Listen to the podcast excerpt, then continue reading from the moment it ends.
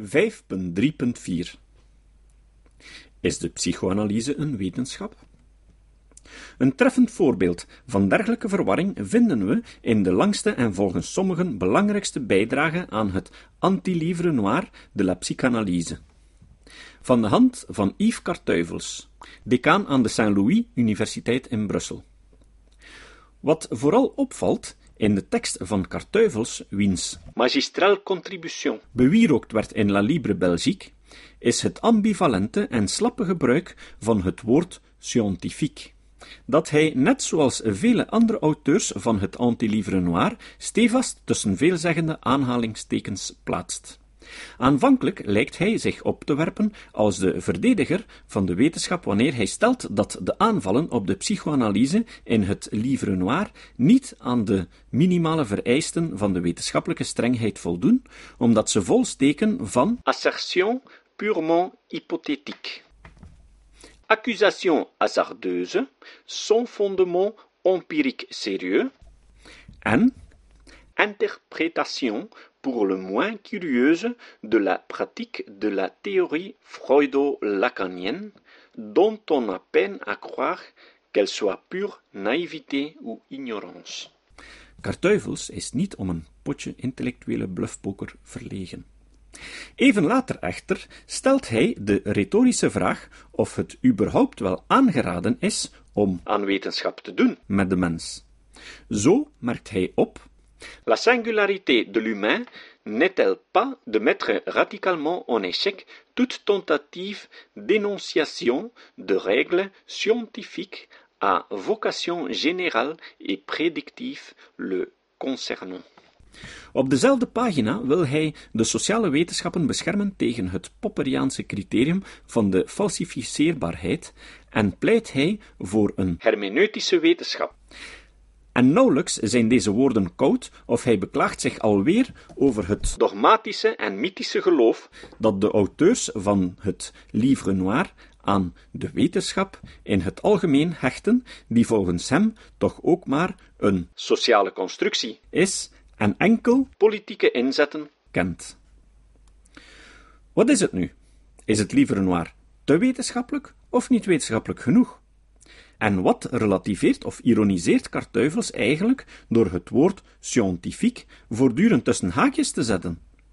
Uit zijn incoherente betoog valt nergens af te leiden wat hij precies onder wetenschap verstaat en lijkt hij het woord op de koop toe als onderling inwisselbaar met positivisme en scientisme te beschouwen.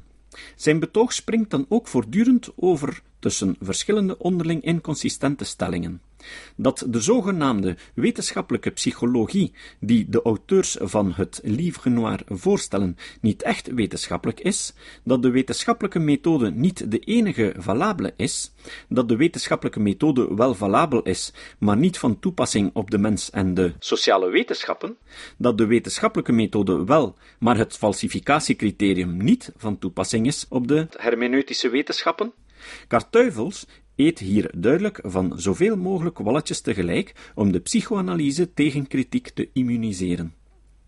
Het livre noir is geen echte wetenschap. En als het wel wetenschap is, dan is de wetenschappelijke methode gewoon niet van toepassing op de mens. En als de wetenschappelijke methode wel van toepassing is op de mens, dan is de wetenschap gewoon een sociale en politiek geladen constructie die naast andere rationaliteiten bestaat. De Nederlandse psychiater en filosoof Antoine Mooi is een andere psychoanalyticus die twijfelt bij de ingang van het hermeneutische hazenpad.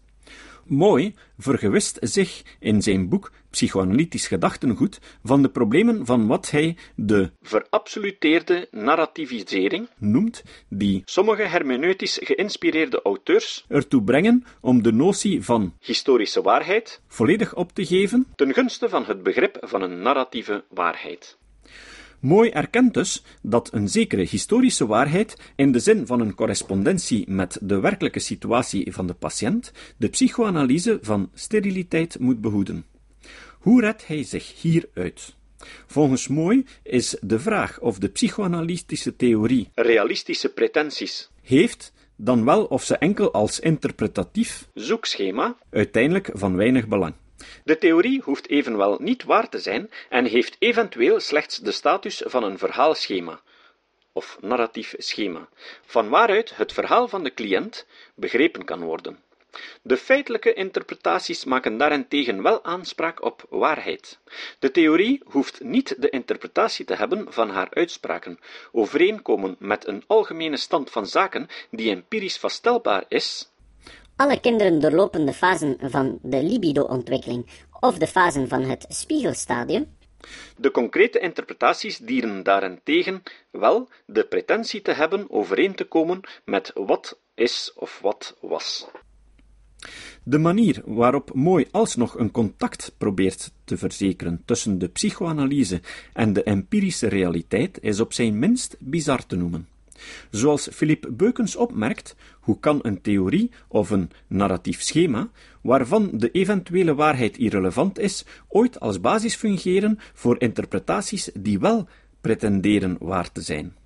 Beukens vergelijkt het met een landkaart. Wanneer u een landkaart hanteert waarvan het voor u volstrekt indifferent is of ze al dan niet een correcte weergave is van het wegennet, kunt u haar nooit gebruiken met de intentie uzelf correct te lokaliseren. Bovendien is mooi ook over de waarheidsaanspraken of de realistische pretenties van de concrete interpretaties dubbelzinnig. Want op dezelfde pagina schrijft hij alweer bij de evaluatie van concrete interpretaties gaat het hierbij niet zozeer om toetsingen, maar om toepassingsmogelijkheden waaruit de vruchtbaarheid van het theoretische gezichtspunt kan blijken.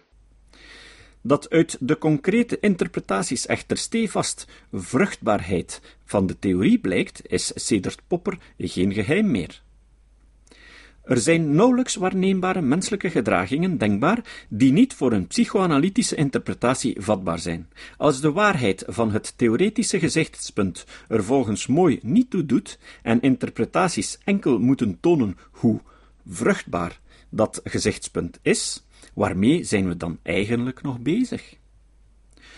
De bochten waarin psychoanalytici als Yves Kartuivels en Antoine Moy zich moeten wringen om het dilemma van hierboven op te lossen, indiceren dat het hermeneutische hazenpad een doodlopende weg is voor de psychoanalyse. Voor de hermeneutici ten tonele verschenen, was de situatie nogthans vrij duidelijk. De psychoanalyse was een theorie die een aantal proposities over de werking van de menselijke geest naar voren schoof, die in principe voor wetenschappelijke confirmatie of weerlegging vatbaar zijn. Waren het niet dat hun niet falsifieerbare karakter dat dikwijls bemoeilijkt. Natuurlijk gebruiken we voor zo'n wetenschappelijk onderzoek niet precies dezelfde methodes als de fysicus. Psychologen moeten rekening houden met de complexiteit van het menselijke subject en de specifieke eisen die daarmee gesteld worden aan wetenschappelijk onderzoek. In essentie echter doet een psycholoog hetzelfde als een fysicus. Uit een theorie leiden we bepaalde empirische hypothesen af, die we vervolgens aan de realiteit toetsen. Wanneer de hypothese gefalsifieerd is, dan is dat een probleem voor de theorie die eraan ten grondslag ligt. Wanneer de hypothesen überhaupt niet falsifieerbaar zijn, dan is dat zo mogelijk een nog groter probleem. Wie ontkent dat er wetenschappelijke kennis over de mens mogelijk is, ziet zich genoodzaakt om alle psychologische kennis die de wetenschap over de mens vergaard heeft, in de prullenmand te werpen.